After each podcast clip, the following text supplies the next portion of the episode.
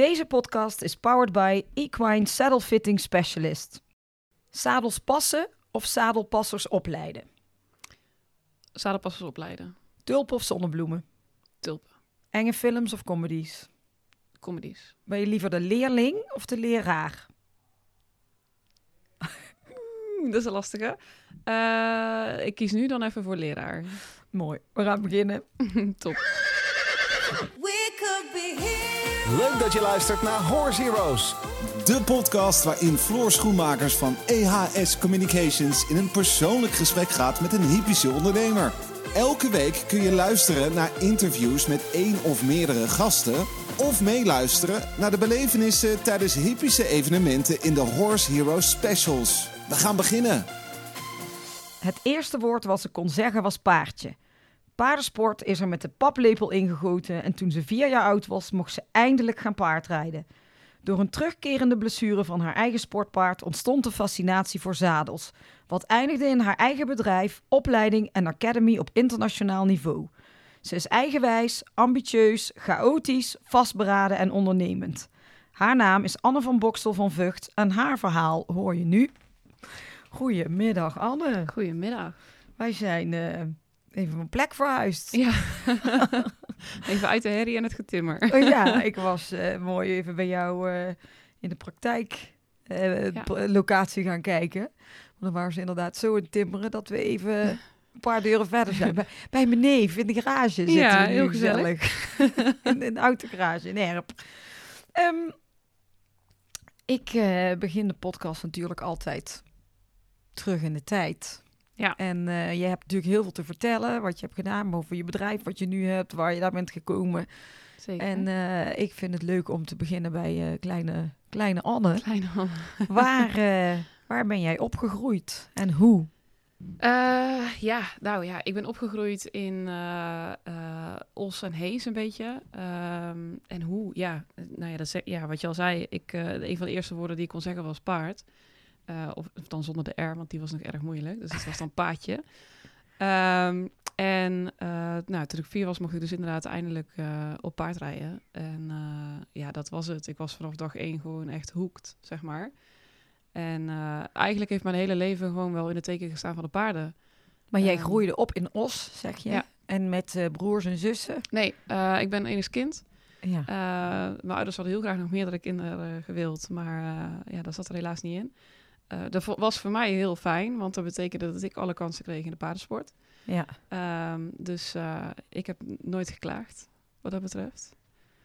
En eh, ja, Maar jij zegt, je, van op je vierde mocht jij al op paardrijles. Hebben je ouders iets met paarden? Kom je uit de paardenfamilie? ja, mijn moeder die heeft vroeger wel ook altijd gereden, Ja. eigenlijk totdat ze mij kreeg. En toen is ze toch maar de kep aan de wil gehangen. En ehm, ja, dus ik, ik was erg vroeg. Eigenlijk mocht ik nog niet. Ik mocht pas op mijn vijfde. Maar ik heb zo lang gezeurd. En eh, mijn moeder dus uiteindelijk zo lang bij de manege... dat ik toch even net iets eerder mocht. Ja. Ja. Dus je bent begonnen ook op een manege? Ja. En van daaruit?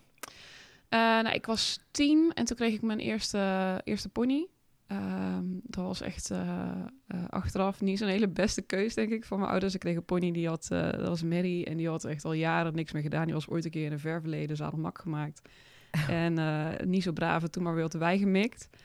En eh, nou, op de een of andere manier vond mijn moeder dat toch een goed idee. En ik was ook gewoon verliefd, dus ik heb ze gewoon helemaal de kop eh, gek gezeurd. Totdat ik toch die pony kreeg.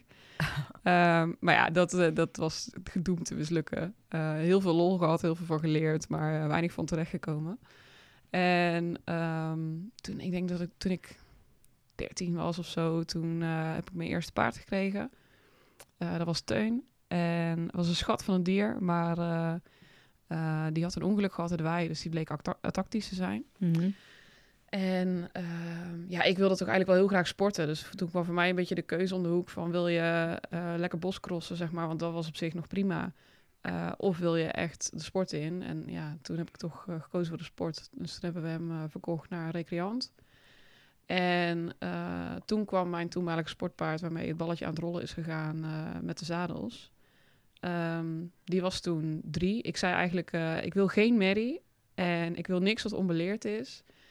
En ik kwam thuis met een merrie die eh onbeleerd Die was. nog niet, maar jij hebt het over de sport. Wat, wat Ja. deed? Dressuur springen? Dressuur. Ja, ja. Ja. nee, de springen dat eh, vond ik op zich wel leuk. Maar mijn moeder die kreeg echt Spaans benauwd eh, zodra ze daarna ging Dat kijken. snap ik, dat snap ik. ik snap dat nu als moeder zijnde ook wel, denk ik. Maar destijds had ik echt zoiets van, mam, zeur niet. Ehm, dus nee, we hebben het braaf bij, eh, bij het dressuur gehouden. En eh, achteraf, eh, zeker toen ik wel ouder werd, was ik ook niet meer zo'n held. Maar jij zei, je was 13 dus, en toen woonde je, waar woonde je toen? In Hees toen destijds. En dan had je het paard aan huis staan? Of? Nee, ook nog steeds op pensioenstal. Hebben we eigenlijk altijd wel zo gehouden. Mhm. Ja. Dat is op zich, ja, dat vond ik echt prima. Ik heb ooit geroepen van ik wil later een heel groot huis met stallen om, de, om het huis heen. Maar eh, ik moet er echt niet aan denken. Dan eh, is het wel echt altijd aan. Ik vind het ook wel lekker om af en toe een keer weekend geen paard te zien. Oh ja? Ja, Ja, dat kan. Dat is Ja. natuurlijk dat is ook wel fijn helemaal met een gezin. En, eh, weg. ja.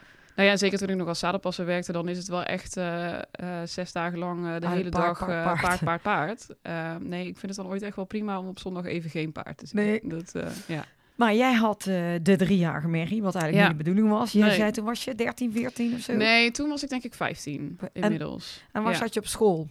Eh, op het Mondriaan College in Os. Dat was eh, HAVO deed ik. Ik had eigenlijk een HAVO-VWO-advies gekregen, maar dan moest ik wel wat harder werken en had ik minder tijd voor de paarden. Ja. Dus eh, toch maar HAVO gedaan. Vond ik wel prima. Kon ik mooi op mijn sokken een beetje doen. Dan kon ik lekker veel rijden. En dan, Ja. ja. En dus elke dag na school reed je, Ja. reed je je eigen paard of reed je ook nog andere? ja, ik heb toen wel, ehm, ja, zeker het laatste jaar van de HAVO gaf ik wel ook eh, op een gegeven moment wel wat les zo her en der. En eh, ik vond zadelmak maken af en toe nog wel leuk. Dus toen was ik nog een beetje cowboy. Dat ben ik nou niet meer, maar toen nog wel.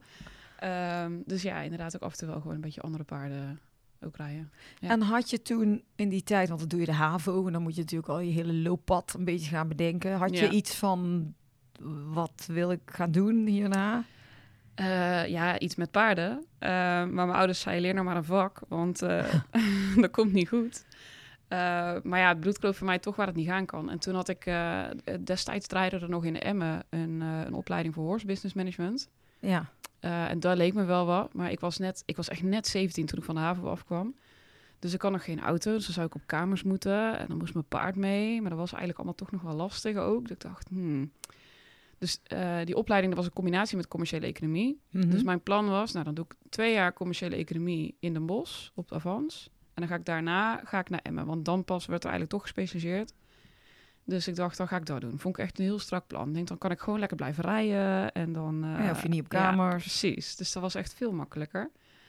Maar ja, de commerciële economie, dat, dat was hem echt niet. Dat ging niet over paarden. En dat was echt zo ver van mijn bed. Heb je wel gedaan, ben je wel aan begonnen. Ben ik wel aan begonnen. Ja, ik heb het niet afgemaakt. Nee, nee, maar ja, dat, dat is inderdaad ook wel iets heel anders dan Ja. wat je uiteindelijk bent gaan doen. Maar je bent er wel Ja, aan begonnen. Ik ben er wel aan begonnen, ja. En toen in, eh, in februari, toen, eh, ja, toen was een beetje dat punt dat je nog terug kon, zeg maar, zonder al te veel kosten. Mm. Dat was toen nog, volgens mij is dat nou niet meer.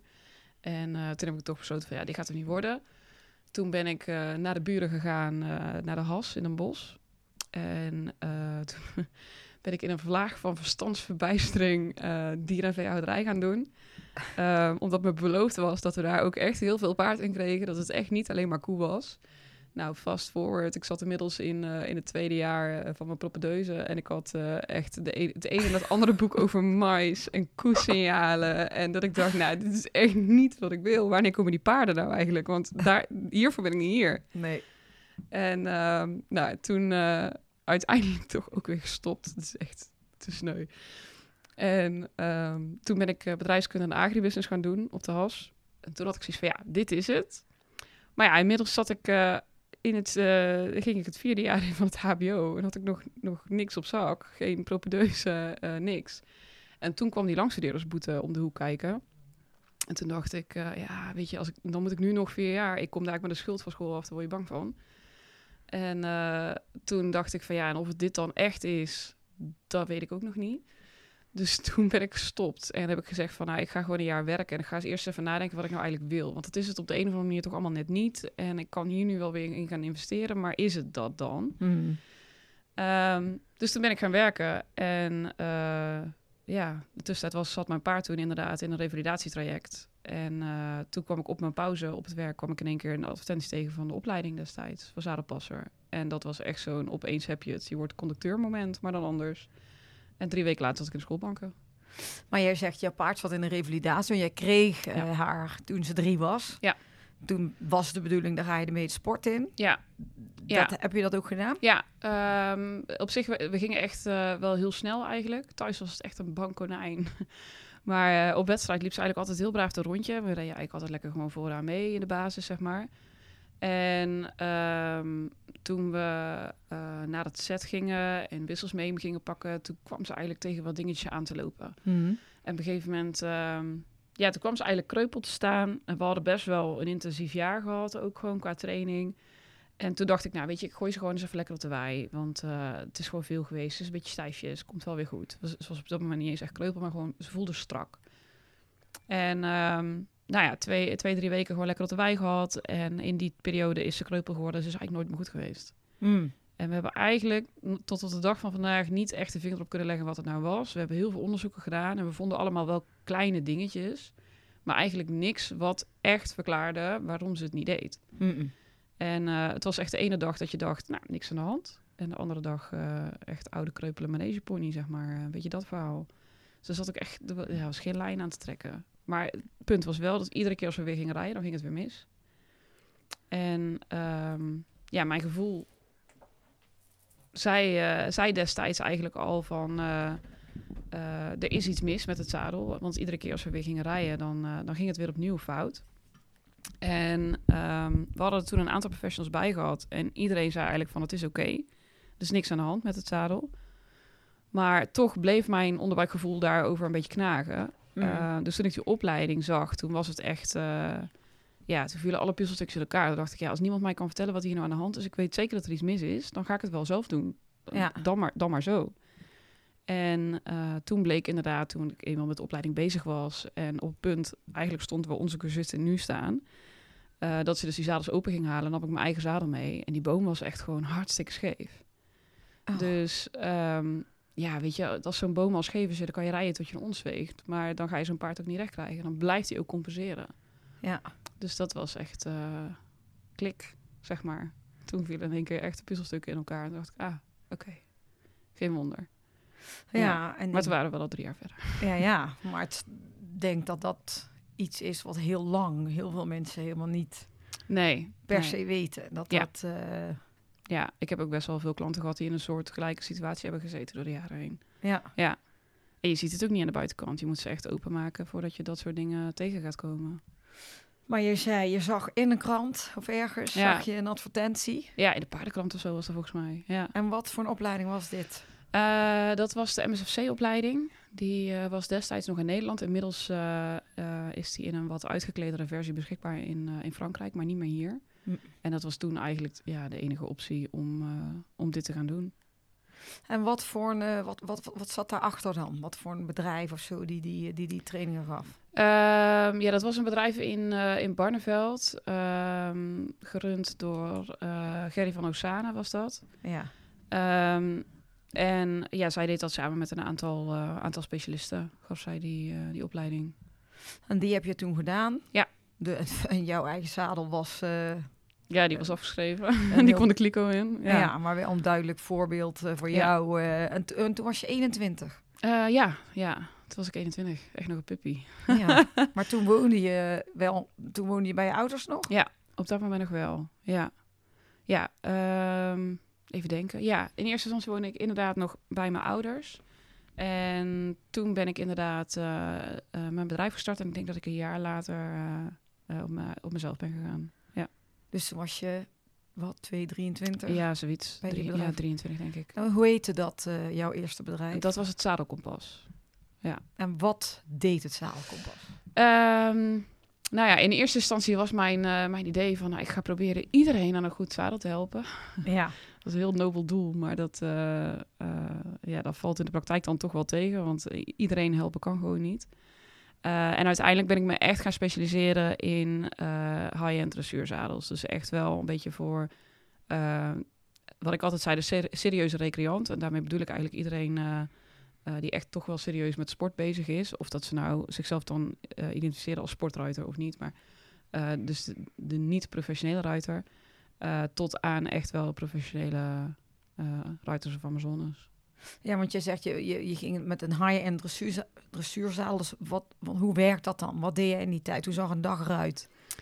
Eh, ja, hoe zag het eruit? Ik ging meestal, eh, s ochtends was het nog vaak even mailtjes beantwoorden, zeg maar. Gewoon even administratieve dingen. En dan onderweg in de auto naar klanten. Daar ging ik eigenlijk wel ja, zo'n beetje wel het hele land door. Eh, zeker in het begin. Later ben ik daarmee gestopt, omdat er toch echt wel te veel tijd in ging zitten. En dan echt eh, naar klanten toe consulten uitvoeren. Dus kijken van hoe is de pasvorm van je huidige zadel.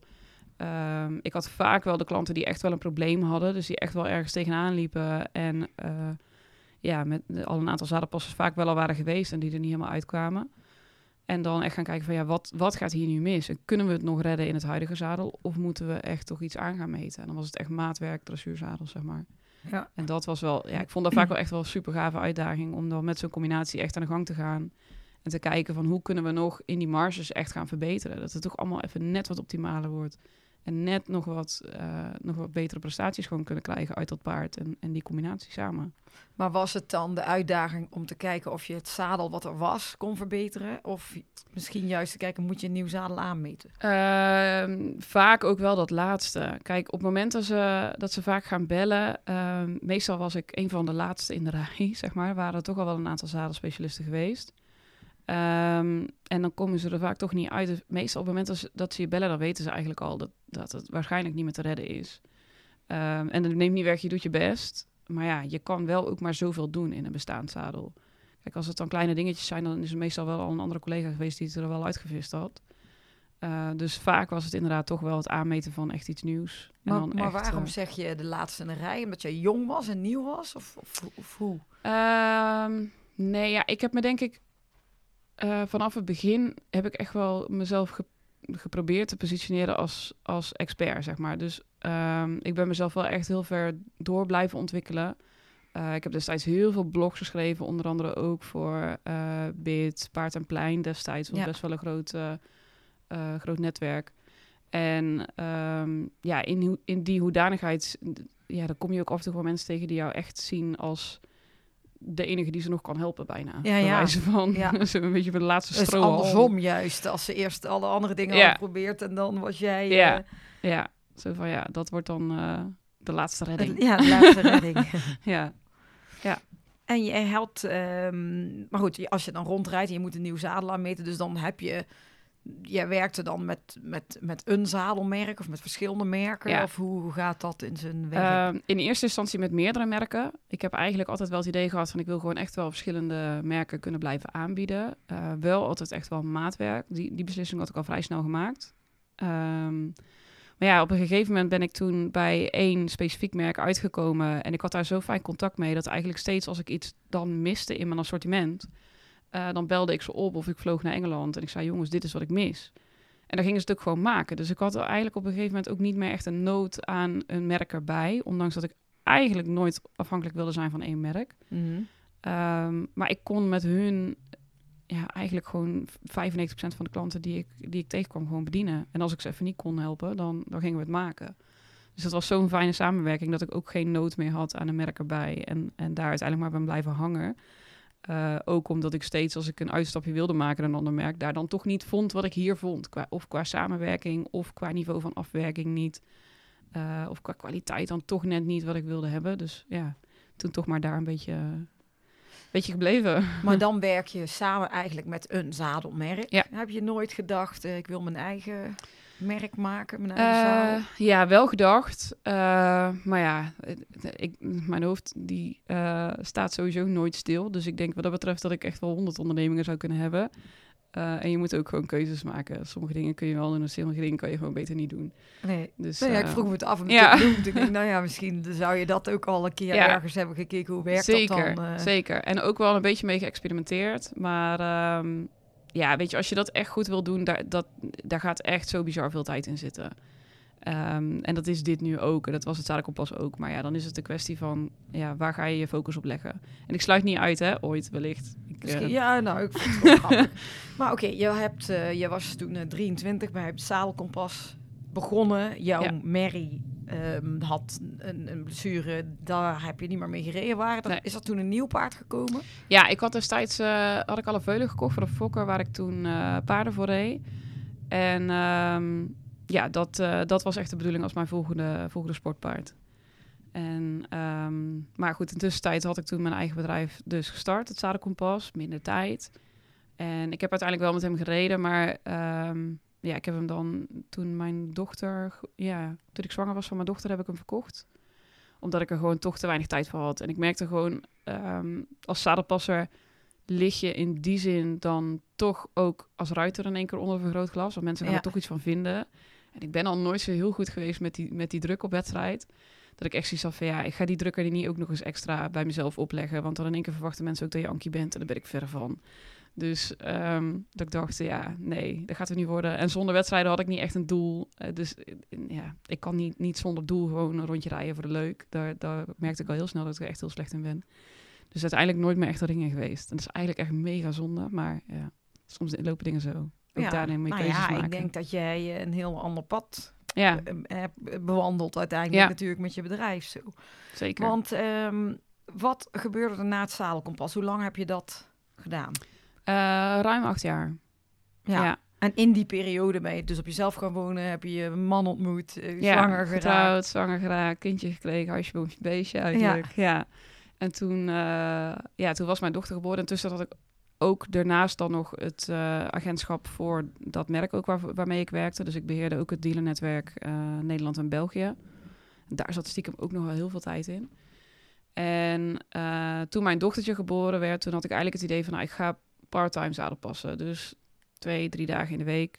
Maar ja, je hebt in die jaren tijd heb je best wel een flinke klantenkring opgebouwd. En eh, ook een verwachting geschept. En eh, ik merkte eigenlijk al heel snel dat met die twee, drie dagen in de week ik gewoon echt niet uitkwam. Als in, Want waar, waar woonde je toen? Toen je eh, zelf toen was dat nog steeds... Nee, dat was toen in Os. Ja. Wij zijn later nog verhuisd naar Lid.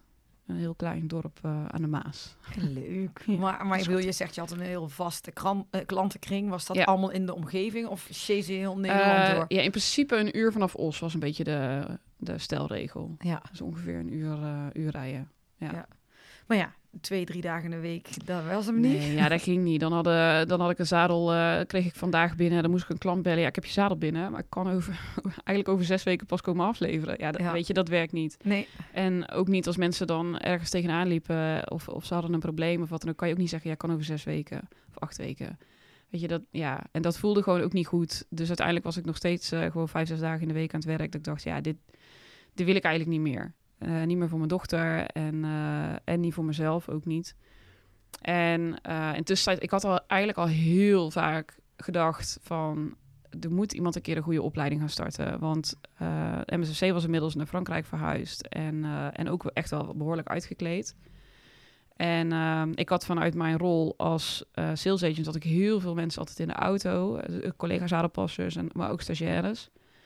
Ehm, en ik merkte gewoon dat ik zag daar steeds eigenlijk dezelfde problemen terug. Dat er toch wel soms wat, eh, ja, wat diepgang een beetje miste. Of dat ze wel wisten hoe ze theoretisch moesten aanpassen of aanmeten, maar dan niet hoe ze het moesten aanpassen op het moment dat er een probleem zich voordoet. Mhm.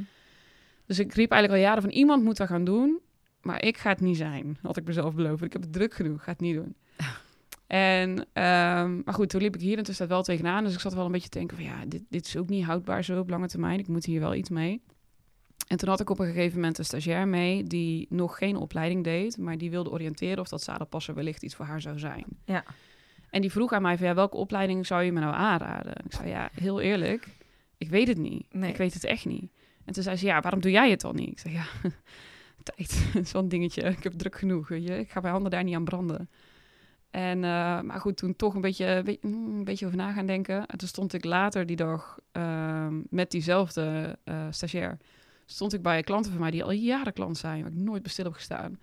Ehm, en die zijn allebei eh, didactische specialisten. Dus die doen eigenlijk niet anders dan opleidingen opzetten, docenten trainen, dat soort dingen. Dus toen ben ik met hun dus aan de praat geraakt van oké, stel, stel. Ik ga het niet doen, maar stel. Stel, ik zou het doen. Herkenbaar, herkenbaar.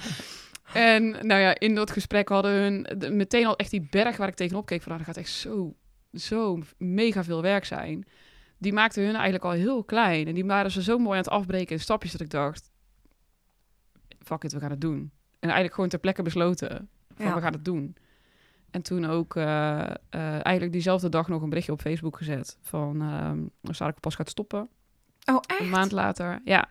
Diezelfde En dag. diezelfde heb je dat meteen, eh, je dacht Ja. ook, hup. Ja, ik denk, ja, gas erop. Dan, ook maar gaan. Nou ja, het was, het, het was eind januari. En ik dacht, nou, als ik dit ga doen, dan moet het in september gaan draaien. Dan moet het niet nog eens een keer een jaar later worden. Want nee, dan nee. eh, ben ik de focus alweer lang kwijt. Het duurt veel te lang. Ik heb geen geduld voor.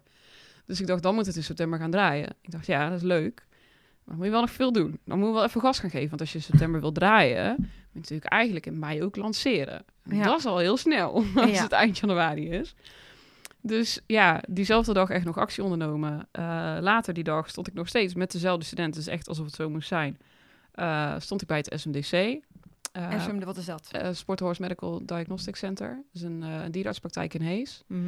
Ehm, en ik had het toen eh, met de dierenarts, had ik een, een paar klanten samen, had ik het toen met hem ook eens over van ja, ja, ja, ja, ja misschien dan toch maar gaan doen. Hij zegt ja, laten we, laten we gewoon doen. Dus toen ben ik met hun ook erover gaan sparren en hun daarin meegenomen en eh, ja, mij eh, inderdaad gelanceerd. Een maand later was het zadel pas gestopt en eh, zijn we gaan draaien. Maar ja, nou vertel je het alsof het heel makkelijk is om zo even een opleiding te starten. Nee, Nee, zo klinkt het. zo klinkt het van, oh ja, ik ging even praten met nee. dag. Want Nee. hoe dan begin je een opleiding? Ik bedoel, wat is Ja. de opleiding? Wat zit in je pakket? Wat bied je aan? Wat, hoe weet je nou wat je... En hoe mag... Ja, dan stel ik even een heleboel vragen tegelijk. ik bedoel, je mag toch... Hoe kun je zomaar een opleiding zijn? Dan moet je toch ook Ja. allerlei dingen doen? Ja, ja, ja. Je hebt, eh, we hebben een, eh, ehm, een certificering bij het CRKBO, dus het Centraal Register Kort Beroepsonderwijs. Eh, dus daar hebben we een audit moeten doen. Ja. Onder andere, dan moet je natuurlijk een heel, heel curriculum al klaar hebben liggen. Dan moet je allerlei eisen voldoen over kwaliteitscontrole, klachtencommissies, heel de mikmak. En, en je moet aantonen dat je docenten inderdaad de juiste vakidioten zijn, zeg maar, dat soort, dat soort dingen. Ehm, dus ja, hoe begin je dan? Ik had eigenlijk al vrij snel voor mezelf helder wat ik in grote lijnen in die opleiding wilde hebben. Eh, het grootste probleem, wat ik, waar, waar, of de grootste vraag eigenlijk die ik op dat moment had, is: gaat het in een jaar passen? Want het is stiekem echt wel heel veel. Ja. Dus toen ben ik met, eh, met die klanten van mij, Patricia en Michel, eh, die didactische specialisten, ben ik echt gaan, gaan sparren van: oké, dit is wat ik wil doen. Dit moet er volgens mij in. Deze mensen wil ik daarbij betrekken. Ehm, gaat het passen in een jaar? En toen zijn hun samen met mij echt gaan rekenen van... oké, en hoeveel, hoeveel tijd heb je daar dan voor nodig, denk je? En hoeveel dagen wil je dit dan doen? En hoeveel uren ga je daarin moeten spenderen? En eh, toen zijn hun eigenlijk gaan rekenen van... oké, dan moet het in een jaar passen met de juiste studiebelasting. Want dat is, dan moet je dan ook natuurlijk gaan berekenen... hoeveel uren is een student daar dan mee kwijt, ook thuis. Mhm. En eh, ja, zo een plan gaan maken. En ja, dan ga je gewoon stap voor stap eigenlijk een lijstje afwerken. En ook dat klinkt nog heel makkelijk, maar ja, er, er gaat nog wel even werk in zitten. Ja, maar als je dat zo in een paar maanden eigenlijk eh, helemaal uitgeschreven hebt. Ja, Dat ja dat, was, dat was echt wel even gas erop. Ja, en, en wanneer was dit? Eh, dit was vorig jaar. Vorig jaar, ehm, ja, eh, februari, eind februari is het zadenkoolpas gestopt. Tussendoor wel al wel wat dingetjes ermee aan het doen geweest. Dus in die periode januari, februari, zeg maar. En ehm, ja, toen in mei hebben we gelanceerd. Dus toen hebben we eind, nee, half april hebben we de audit gehad van het CRKBO. Ehm, daar keek ik echt als een berg tegen op. Want iedereen die zei echt van ja, dat ga je nooit in één keer redden. Want ze hebben altijd iets aan te merken. En dat is echt wel moeilijk en la.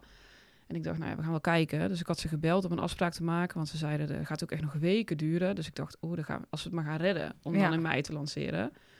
Dus ik gebeld en zei ze, ja, we hebben een uitvaller. Dan kan je over twee weken. Dat was begin april. En ik, ik, ik hoor mezelf gewoon zeggen, ja, dat is goed. En ik denk, kak, twee weken. Je hebt nog niks op papier staan, behalve in grote lijnen een plan. Ik heb nog geen studiegids, niks. Die heel, heel, heel plan moet nog echt uitgeschreven worden en verder bedacht worden. En ik dacht, ja, oké. Nou zeg je heel leuk ja, maar nou moet je echt eventjes aan de bak, zeg maar. Dus toen heb ik eigen- eh, mezelf eigenlijk gewoon eh, eh, twee weken opgesloten in huis. En volle bak in de hyperfocus gegaan. En twee weken later lag er een studiegids. En ik heb de, de, het auditformulier van het CRKBO nog eens na, naast gelegd. Om te kijken van oké, kan ik voor mezelf in ieder geval alle vinkjes afstrepen? En dat kon ik. En we hadden die audit.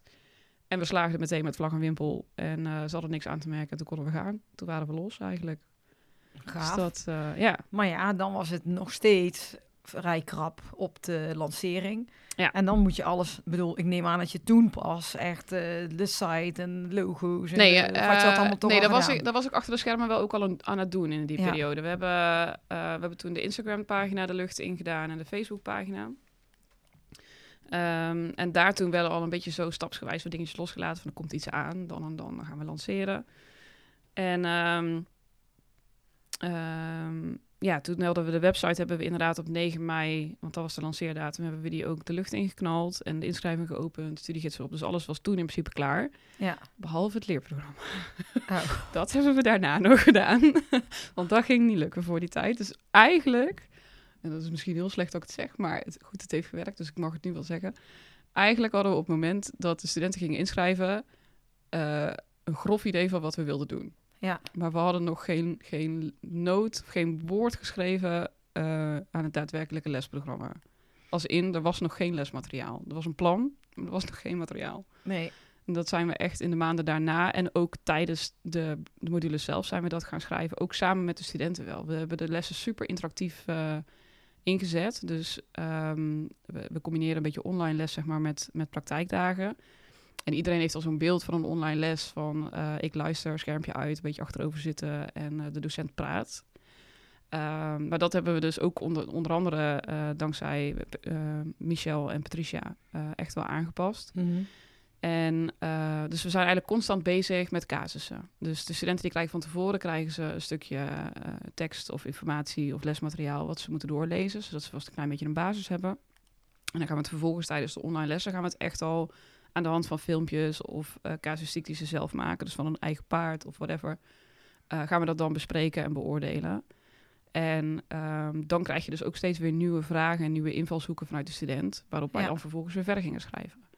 Dus het is Ja. echt, eh, Ja, ook met de docenten is het, het is echt met de studenten en de docenten samen is het gegroeid. En ik heb er heel erg over na te denken van wat ga ik volgend jaar doen? Gaan we dan echt gewoon af op wat we afgelopen jaar hebben gedaan? Maar ik denk dat we ook daar gewoon weer toch met de studenten gaan schrijven. Omdat dat uiteindelijk, ehm, eh, ja, heeft dat echt zoveel stappen gemaakt en sprongen gemaakt ook in het leerproces. Omdat je dan, eh, natuurlijk, je hebt een, een grote lijn erin. Hè? Het is niet dat je alleen maar afgaat op wat de studenten je vragen. Ehm, maar je, je kan daardoor wel heel duidelijk en heel snel zien van waar ligt nou eigenlijk de Ja. behoefte. Nou ja, d- dat wilde ik je eigenlijk vragen. Heb je aan die studenten bijvoorbeeld vooraf ook gevraagd van waar, wat wil je nou eigenlijk leren of waar is de behoefte aan? Is dat zo'n soort... Eh, nee, we hebben het niet op die manier specifiek gevraagd. Het is echt gewoon puur aan de hand van eh, de casussen die ze zelf Ja. meenamen en de vragen aan, die ze daarop gingen stellen, dat we dan weer gingen kijken van oké, wat zijn we nu tegengekomen en wat gaan we dan, wat willen we nog uitvergroten voor volgende week? Waar, waar is nog meer aandacht nodig? En Ja. is het dan ook dat als dat zo gebeurde, dat alle andere studenten mee konden Ja. luisteren en kijken? Dus je leert heel veel van elkaar. Ja, juist van, elkaar. Het is echt van elkaar en met elkaar. Ja, dus eh, je zit gewoon met z'n allen dan gewoon in zo'n online les, dus alle 15 studenten. Ehm, en dan ga je echt in werkgroepjes, in breakout rooms, ga je aan de slag en eh, ga je samen zo'n casus bespreken. En eh, het is echt, ja, echt van elkaar en met elkaar. Ja. Ja. Maar het was, eh, jouw bedrijf, je je hebt acht jaar lang gehad, was het Zaalkompas. Ja. En wat is de naam van eh, de opleiding? Equine Saddle-Fitting Specialist. Ja, want dan ben je even Ja. naar de internationale boeg gegaan. Ja, ja. eh, met reden ook, omdat ik eigenlijk meteen al zoiets had van... nou, als we dit goed gaan doen in Nederland en we hebben het goed op poten... dan denk ik echt dat er internationaal ook nog wel, wel heel veel eh, behoefte aan kan zijn... en heel veel eh, ruimte voor verbetering kan zijn. En ehm, ja, dat, merkt, dat merk je nu eigenlijk ook al door de reacties die we krijgen. We hebben best wel al wat, eh, wat geïnteresseerden gehad, ook uit het buitenland, die inderdaad staan te springen om een internationale groep. En die gaan we dan ook in februari inderdaad aankomend jaar lanceren. Dus dan, dan begint dat nu februari al. Ja, ja. En, ehm, maar wie zijn, wat voor mensen zijn jouw studenten? Ja, dat is heel wisselend. Eh, het zijn natuurlijk allemaal paardensporters. Hè, want anders dan, eh, als je er nooit een paard van dichtbij hebt gezien, dan, dan hebben we wel heel veel in te halen. Ehm, het zijn allemaal echt wel fanatieke paardensporters. En het varieert een beetje van mensen die, eh, die semi-professioneel ruiter zijn of waren.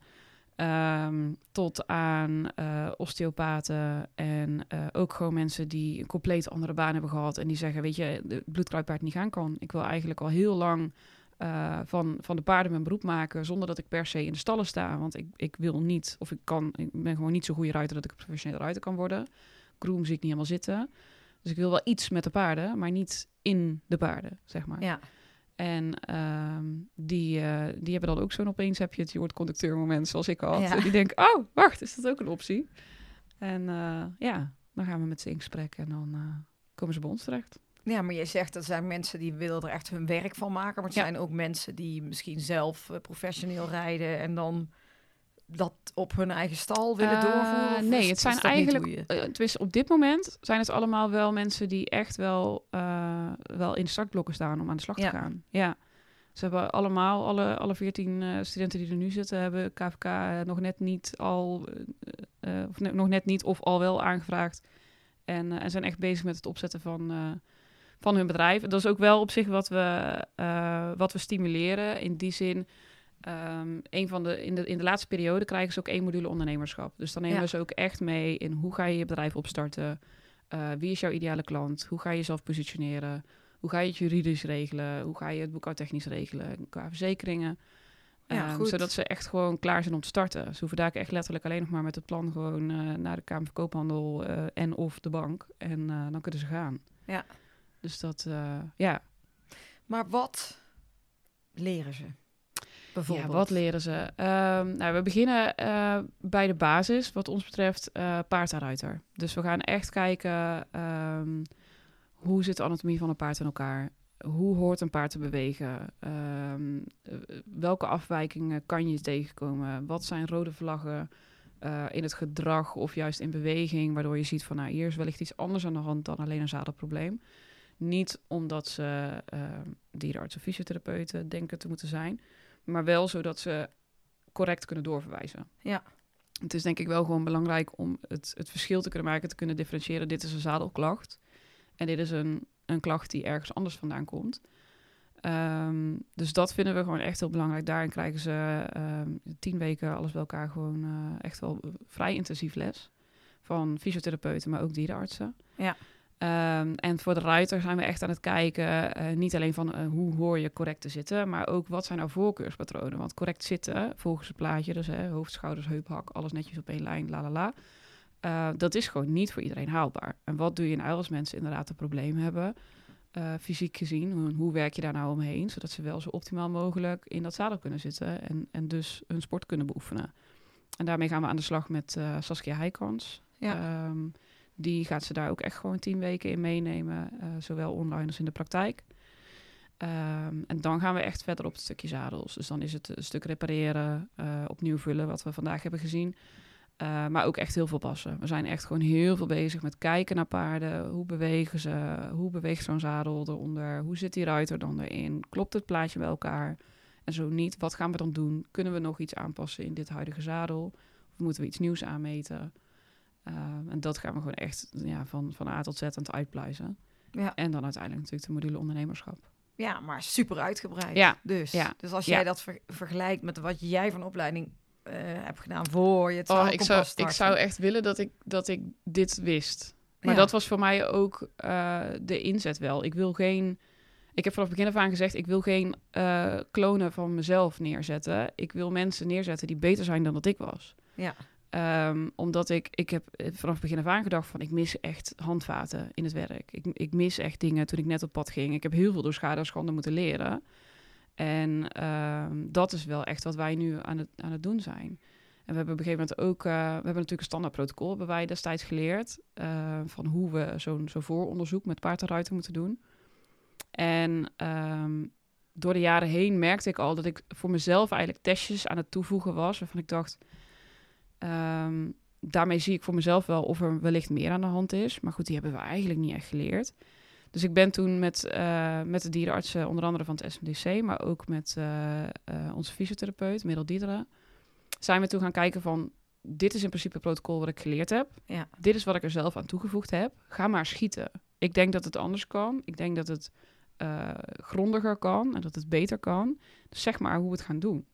En toen zijn we daar echt samen over gaan brainstormen van wat voor testjes willen we eventueel toevoegen om uit te sluiten dat een paard eh, beginnende halsproblemen heeft of zoiets dergelijks. Of dat er toch een onderliggend rugprobleem zit of wellicht een kreupelheid.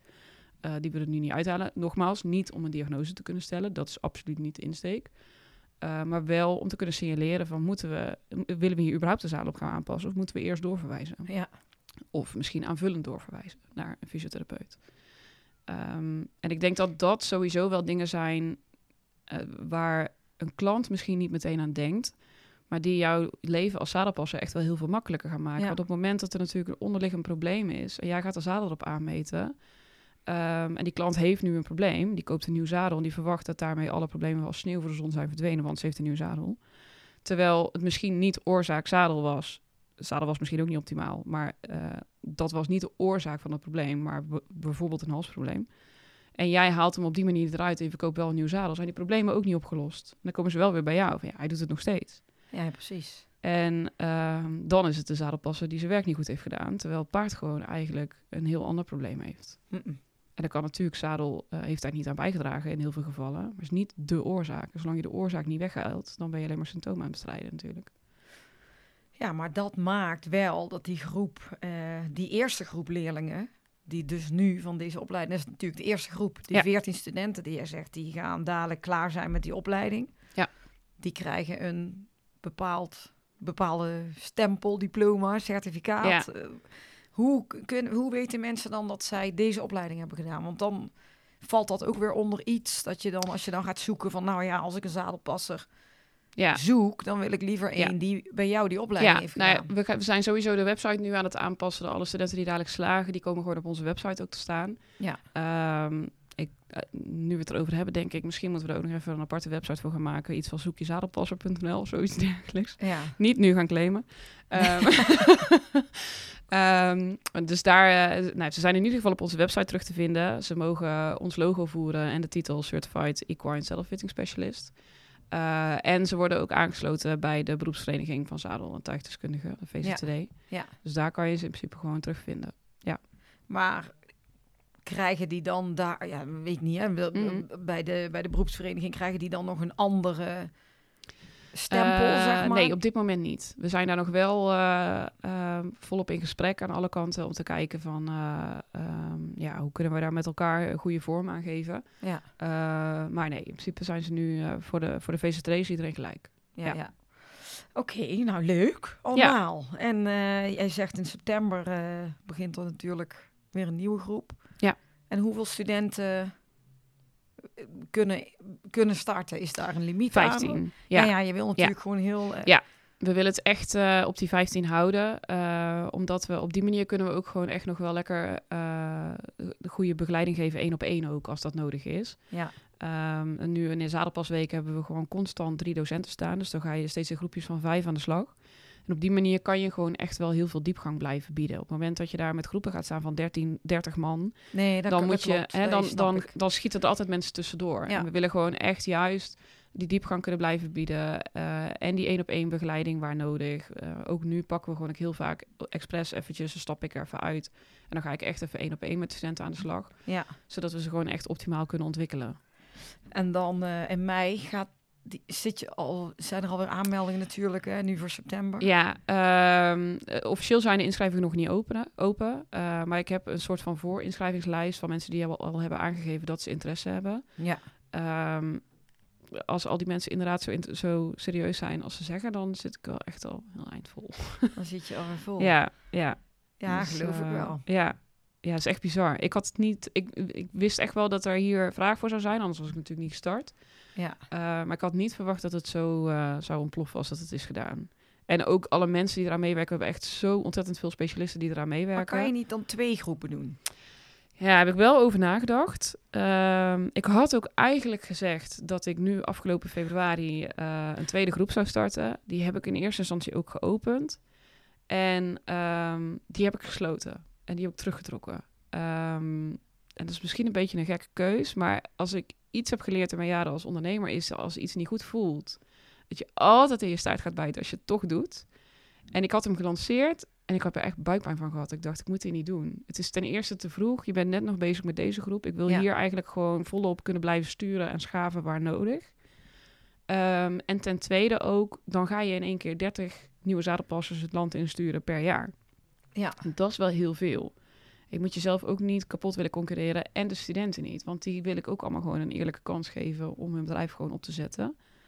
Ehm, dus ik heb er toch voor besloten om, om die groep te annuleren. Ehm, de inschrijvingen daarvan heb ik ook deels doorgezet eh, naar dit jaar voor degene die dat wilde. En ehm, dus vervolgens aan te zeggen, nou dan doen we één Nederlandse groep per jaar. Ja, Daar houden we het ook februari de bij. buitenlandse groep. En dan een internationale groep. Ja, Ja. leuk. Slim. We gaan even naar eh, muziek. Jee. Dat is natuurlijk ook een onderdeel in de podcast. Dan wil ik even van jou weten of er een eh, speciaal nummer is voor jou. Eh, ja, we hadden, ik had Wicked Ways opgegeven. Eh dan ben ik even de naam van de, van de artiest kwijt. Wicked, Wicked Game. Wicked Game, ja, sorry. Chris ja, Isaac. Ja, klopt. Wicked Ways. Wicked, Wicked Game. Ways. Wicked Lijkt allemaal op elkaar. het is al laat, Floor. Vertel, Ehm, waarom is dit speciaal voor jou? Ehm, nou, dat was het, het nummer wat eh, draaide in de auto onderweg naar het ziekenhuis toen ik op punt stond om te vallen van onze dochter. En ehm, het was midden in de nacht. Eh, mijn vliezen braken echt om één uur s'nachts. En wij wonen dus eh, in Lid, het dorp aan de Maas. Dus in the middle of nowhere. dus wij reden in de polder en er was niemand op de weg. En eh, dat was echt zo'n moment waarop we elkaar aankeken. Zo van, oké, stilte voor de storm. Dit, is, dit zijn de laatste momenten die we echt met ons tweeën gaan hebben... voordat we eh, een kindje gaan krijgen. Ja, En eh, ja, als ik dan denk, krijg ik nog een beetje kippenvel. Maar ja, dat, dat blijft gewoon echt een heel speciaal nummer voor ons. Als je naar de tekst luistert, het past eigenlijk totaal niet. Maar het, het- ja, het, het nummer doet gewoon iets. het blijft voor Ja. altijd herinneren. Mooi. Ja. We gaan er even naar luisteren. What a wicked game to play to make me feel this way. What a wicked thing to do to let me dream of you. What a wicked thing to say. You never felt this way. What a wicked thing to do make me dream of you and I don't wanna fall in love. No I don't wanna fall in love with you. Ik vind dat heel grappig, want inderdaad... What a wicked game you play to make me feel this Ja. Ja, hij past echt compleet niet. Nou ja, maar- maar van de andere kant, jij zit daar met Ja. een half in die auto. A wicked game. To Ja. make me this Ja, nou, misschien ook wel. Zo had ik hem nooit bekeken, Ik ga nooit meer naar dat nummer kunnen luisteren natuurlijk, zonder Je aan al weeën te helemaal denken. nou, zo in die auto zitten puffen. Super romantisch nummer eigenlijk. En Ja. dan... eh, je- Ja, nou, het was ook wel letterlijk even stilte voor de storm. Want de weeën zaten toen nog redelijk ver uit elkaar. Dus het was even precies voor het nummer ook even rustig. Daarna brak het weer alle, alle hel los. Ja, leuk. Maar, Maar ja, ja. je, een dochtertje. Ja. Dus, hoe oud eh, is ze nu? Eh, ze wordt twee in juli. Dus eh, ja, anderhalf nu. En al Ja. bijna paardje, paardje, Oh, nee, dat was letterlijk ook echt het eerste woord wat ze zei. Ze zei echt eerst paardje en toen papa en anderhalf jaar later mama, zeg maar. dus in, in, in volgorde van belangrijkheid eh weet we Ja, al. dan weet je ik weer- weet al wat vijf is. Ja. zoek nog een mooie pony over een paar jaar. Een mooie witte. Oh ja, die heb ik. Ik heb er een. Ja, precies. Oh, die, Even die, contact houden. voorlopig nog niet weg. Nee, maar hoeft ook nog niet nu. Nee, Dan heb ik even de tijd. Maar eh, wel leuk. Dus ze Ja. vindt het ook wel al leuk, de, Ja, paardjes. ja, het is echt een dierenvriendje. Zo leuk. Die, eh, zodra ze een paardje ziet op televisie ook, of ik, eh, ik scroll een keer over mijn Facebook-tijdlijn, ik kom natuurlijk vol, eh, volle bak paarden voorbij. Paardje, paardje, mama, paardje. Paardje, paardje, Paardje. hey, even nog ehm, een vraagje. Want je zei, je begint dus ehm, in februari met die internationale groep. September, of ja, volgend jaar allemaal. Hè? Dan ook weer Ja. de Nederlandse groep nu, dit, dit jaar, september. Maar je bent volgens mij nog wat van plan. Ja, dat klopt. Ik zou bij, het is goed dat je erover begint. Oh, stom. Bijna vergeten. Zoveel enthousiasme. Eh, nee, ja, we zijn eh, bezig met de lancering van eh, Equine Specialist Academy. En dat is een online platform gericht op paardeneigenaren. Die, eh, ja, wat eigenlijk vol gaat komen staan met video's over eh, diverse thema's rondom paardenwelzijn. Onder andere natuurlijk zadels. Dat is natuurlijk eh schot voor open doel. Mhm. Uh, maar ook een stukje sportpaardenmanagement anno 2023. Uh, een stukje voeding, houding en zit, onder andere voor de ruiter. Um, ja, echt, we, we, kunnen daar nog heel veel in gaan uitbreiden. Dus waar het precies heen gaat, moeten we nog even gaan kijken. Ehm, maar dat is echt gericht eigenlijk... Toen ik zelf nog paard reed, eh, of een paard had... Toen merkte ik gewoon dat ik eh, zelf ook... maar ook heel veel eh, vriendinnen... waar ik toen heel veel contact mee had... tegenaan liepen dat we eigenlijk wel zoiets hadden van... oké, paardenwelzijn ligt wel echt wel terecht onder een vergrootglas. Ik denk echt wel dat we daar nog wel heel veel stappen in kunnen maken. Ehm, maar dan vinden we eigenlijk net niet de juiste informatie en de juiste hoek ehm, waar je de goede informatie vandaan kan halen. Als in, je vindt al net niet meer de aansluiting bij de reguliere sport, Hmm. Ehm, maar ook niet in de eh, alternatieve hoek, om het even zo te zeggen, waar je eh bitloos, boomloos, dekenloos, zadelloos, eh et cetera, door het, door het leven gaat. En dat is wel prima. Dat, dat is helemaal oké als je dat wilt doen. Vooral lekker doen. Ik heb er absoluut niks op tegen. Ehm, maar er is natuurlijk ook een groep die zegt van ja, ik wil eigenlijk wel ook gewoon lekker dressuur blijven rijden en op wedstrijd. En eh, ik, ik hou wel van een minder wollig paard in de winter. Ja. Ehm, en dat is ook prima, weet je. Alles is, is wat dat betreft oké. Ehm, en eh, we willen eigenlijk juist voor die mensen die nu een beetje overal tussenin vallen... eh, wilden we zo'n platform oprichten... waarin je gewoon ontzettend veel objectieve, goede informatie krijgt... over paardenwelzijn. En wat je voor jezelf kan doen, voor je eigen paard kan doen... om daarin eh, wat stappen te maken. Want we hebben gewoon als sector wel gewoon echt wel wat te doen. Ja. Willen we over 25 jaar nog op een paard zitten? Dan pak ik het even lang. Ja, ja. Maar ja, er Dus, zijn ehm, natuurlijk wel eh, best wel wat ehm, dingen al gestart. Nu, Zeker, weet je, van, zeker. nou, Ja, heb jij top. daarin eh, samenwerkingen ook? Of, Ehm, ja, we zijn. eh, ik kan daar nog niet al te veel over zeggen, maar we zijn wel met een aantal eh, partijen daarin bezig. Ja. Daar moet ik het heel even bij laten. ja, ja. Maar ehm, ja, er, er liggen wel wat, wat plannen. Sowieso ehm, eh, hebben we ook een bijdrage gedaan aan. ehm, oh, zeg het eens. van de sector naar sportfonds. paarden. Ja, ja. Ehm, dus daar gaan we, en, en daar zijn we ook nog, eh, daar gaan we ook weer mee in gesprek opnieuw. Daar hebben we ook nog wel Ja. wat plannen voor liggen. Maar ja, want dat, die, eh, die bedoelde ik onder andere Ja. ook. Die had natuurlijk in de Ja. Brabant daar een heel... eh, daar Zeker. toch heel veel mensen ook even kwamen luisteren. Zeker. En dat is echt, de, ja, dat is supergoed dat ze daar aan het doen zijn. Ja. Daar, absoluut, zeker. Maar dat neemt niet weg dat we, ehm, ik denk dat eh, individueel, dat we ook nog heel veel kunnen doen. Tuurlijk. Gewoon voor je eigen, eigen beest. Het is natuurlijk heel goed om dat gewoon naar de buitenwereld uit te gaan dragen. Dat moeten we absoluut gaan doen. Dat is echt hoog tijd. Supergoed. Ehm, maar ja, zelf kun je ook gewoon echt stiekem meer doen dan je denkt, denk ik. Ja. En dat is wat we, wat we met de platform echt willen gaan, eh, gaan bespreken en gaan tackelen. En Ja. wanneer zou dit gelanceerd Eind worden? mei. Oh, ook eind mei. in. Ja. Ja, dus we Spannend. hebben, ja, we hebben een aantal lanceringen voor de deur staan. Dus begin mei eh, de inschrijvingen van de, van de groep in september. En eind mei gaat eh ESA de lucht in. Ja. Leuk. Ehm, ik heb nog iets leuks voor je. We hebben de vragenpot. Ik schuif hem even naar jou. En je moet heel goed krabbelen. Ik moet heel goed grappig. Ja, maar gewoon diep je hand erin en dan En als ik krabbelen. een vraag dan denk ik, Floor, Ja. je me aan. Dan beantwoord je hem toch. Heel streng. Ga je liever naar de zon of naar de sneeuw? Oh, dat is een hele makkelijke. Zon, anytime. Ik kan echt niet skiën, vind ik doodeng. Knoop me liever op een driejarig paard, wat niet zadelmak is. nee, bin there, done that heb ik ooit geprobeerd. Dat was een van de eerste eh, dates met mijn man. Ik had eigenlijk toen weg moeten lopen, maar... nee, wordt hem echt niet. Nee, maar is ook niet als je gewoon een- de après-ski. Ja, dat In de wel. zon, dat is wel leuk. Nee, ja. Maar dan combineer je het. Dan ga je Ik hou, ook de niet zon. van, ik hou ook niet van skiën, maar ik vind het wel leuk om op wintersport te gaan. in de zon. Nou, dat moet ik misschien toch eens proberen. Ja, leuk met die kleine. Die, Ja. hoorde- die kan wel leren skiën. Ja, die nog wel. Voor haar is nog niet te laat. Ik ben gedoemd. Ik Dat, ook. eh, Ik kan er ook niks van, maar het is wel leuk. Ja. Gewoon kijken, zwaaien, Gewoon kijken sleeën, hoe een ander zijn nek breekt. Sleeën, Ja. Oké, nog één. Oh, nog één. Oké.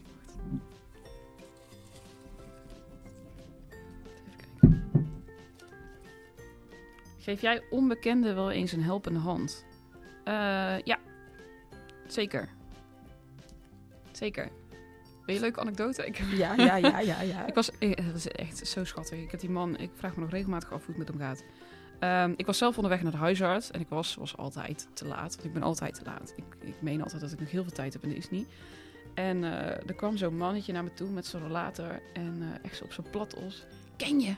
Kun jij mij even naar de, naar de apotheek brengen? Dus of ik, me, of ik hem even naar de apotheek kon brengen. En hij gaat echt, voordat ik ja kon zeggen, gaat hij echt al zitten op zijn rollator. Zo van, nou, duw mij er maar naartoe.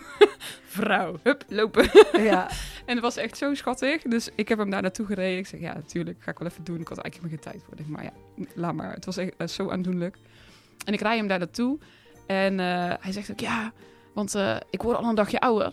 Ja, maar ik word wel 100, zegt hij. Ik zeg, ja, ja, met mijn mond. Maar of ik het echt red, dat weet ik nog niet. Ik zeg, nou, ik hoop het, meneer. Ik hoop het. Had geen idee En- hoe oud hij was. Ik heb geen idee. Nee, ja, ik denk wel echt al een heel eind op weg naar de 100. En hij was echt volgens mij wel, eh, ja, ik denk halfweg 90. Maar eh, ja, dat was echt heel schattig.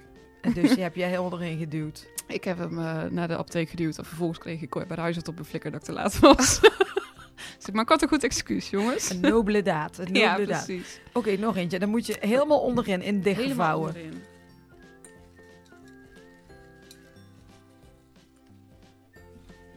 En dan moet je ook. Oh, dan moet je je, moet ook. natuurlijk niks. In welk boek zou jij de hoofdpersoon willen zijn? Oh jeetje. Oh, is het heel slecht dat ik- als ik zeg dat ik niet zo heel veel boeken lees? ik heb er geen tijd voor, joh. In de Donald Duck. Donald Duck. ja. Eh, nou, eh, oké. Nou, dan zou ik wel eh, in Zorro. Vond ik vroeger altijd echt fantastisch. Dat was echt mijn favoriete boek. Laat mij maar Zorro zijn. Omdat je dan op een stoer paard kan. Ja, een beetje op stoer paard, een beetje de held uithangen. Een beetje zwaar. een beetje, een beetje zwaar. Ja, met- Met die zet. Met die Ja. zet. Doe er nog één. nog, nog één. Nog één. Jij, jij hoopt gewoon dat ik echt een rotvraag krijg, waarvan ik echt met mijn bek vol tanden sta. Nee. Ik vind het gewoon grappig als ze dichtgevouwen zijn. Zijn ze nog soms Zijn ze er niet zo vaak iedere keer die boven liggen. Ja, die, dat is eh, waar. Dan moet ik een keer goed schudden. ja, dat doe ik ook. Maar toch worden vaak dezelfde gepakt. Voor wie wil je meer tijd nemen? Eh, mijn man. Die eh, is op het moment wel een beetje ondergeschoven kindje. Dat is echt heel sneu. Ja? Ja, ik maak voor mijn, voor mijn dochter op het moment wel, wel echt bewust tijd. Omdat ik me daar wel echt meteen die mom guilt een beetje om de hoek komt kijken. Maar eh, ja, we hebben eigenlijk al een paar keer beloofd dat we meer date nights zouden inplannen. Maar dat eh, komt er toch iedere keer weer een beetje niet van. Dus ehm, Komt er toch iedere keer weer een beetje niet Ja. van. soms wel, maar ook weer ja, eigenlijk net niet genoeg. Nou, zet hem in je wel, agenda. Ik zet hem, eh, ja, hij gaat nou, het is nou gewoon opgenomen, hè, dus ik kan niet terug. Plan een agenda date zetten. night. Plan een date night. Maandag komt hij online. Voor maandag heb jij Voor een date maandag heb ik een date night night. in je agenda gezet. Ja, Superleuk. Ehm Anne, jij moet natuurlijk weer eh, terug naar je, Ja. ik ga weer naar mijn clubpie. naar je clubpie. die zaten te hameren, wat niet zo heet. Ja. Oh, wat waren ze aan het doen vandaag? Eh, ze zijn vandaag eh, het zadels opnieuw aan het vullen. En Ja. waar jij bedoelt met hameren was mashen. Mashen. Ja, nou ja, ik weet die, die termen niet allemaal. Het zag er indrukwekkend uit. Nou, dank je. En leuk. Als mensen meer willen weten over jou, over de opleiding, over de Academy dadelijk, waar moeten ze kijken? Eh, voor de opleiding kunnen ze terecht op eh saddlefittingspecialists.com. Mhm. Eh, voor de Academy mag je gewoon even naar mij contact opnemen. Maar die komt straks ook op de website van, van Saddlefitting Specialist te staan. Dus daar zijn we nog even bezig met, met de dingetje achter de schermen. Die is nog niet online. Die is nog niet online. En Nee. op social media? Ess.saddlefittingspecialist op, eh, op Insta. En eh, op Facebook eh Equine Saddlefitting Specialist. En daar Ja. kunnen ze alles zien. Daar kunnen ze alles zien. Superleuk. Ja, en ze mogen ook altijd bellen natuurlijk. Gewoon. Ja. Als mensen vragen, ik heb altijd liefst gewoon mensen er gewoon lekker bellen. Even lekker makkelijk praten. Dat is veel makkelijker dan via de telefoon. Ja, Of via de eh, mail bedoel ik. dat is ook. Ja. Dat is ook. Eh, maar wil je je telefoonnummer zomaar niet zeggen, hè? dat doen we maar even niet. misschien heel raar telefoontjes. Laten we dat maar niet doen. Van iedereen die op date night wil, krijg je dat. Ja, Met wicked, wicked Mwah. ways. kan je net zo goed zo op, op, een, eh, op een staldeur zetten van het, van het eh, toilet. Zo, de kroeg. Ja. Maar ehm, ik wil jou heel erg bedanken voor Ja, eh, jouw verhaal. Want wel best indrukwekkend wat je allemaal hebt gedaan. En dan Ja, die hele je. opleiding hebt bedacht. En dat het zo'n succes is ook meteen. Superleuk. ja, ja, dankjewel. Ik vond het superleuk om hier te zijn. Ja, bij mijn neef. Bij mijn neef, in de garage. Daar ga ik weer even koffie mee drinken. Ja, groot gelijk. Hey, Anne, super bedankt. Dankjewel. En eh, bedankt weer voor het luisteren. En eh, niet tot volgende week, want ik heb even mijn vakantie. Lekker. Dus tot Groot over eh, een paar night. weken. Date night, date week. bedankt voor het luisteren. Doei. We could be heroes.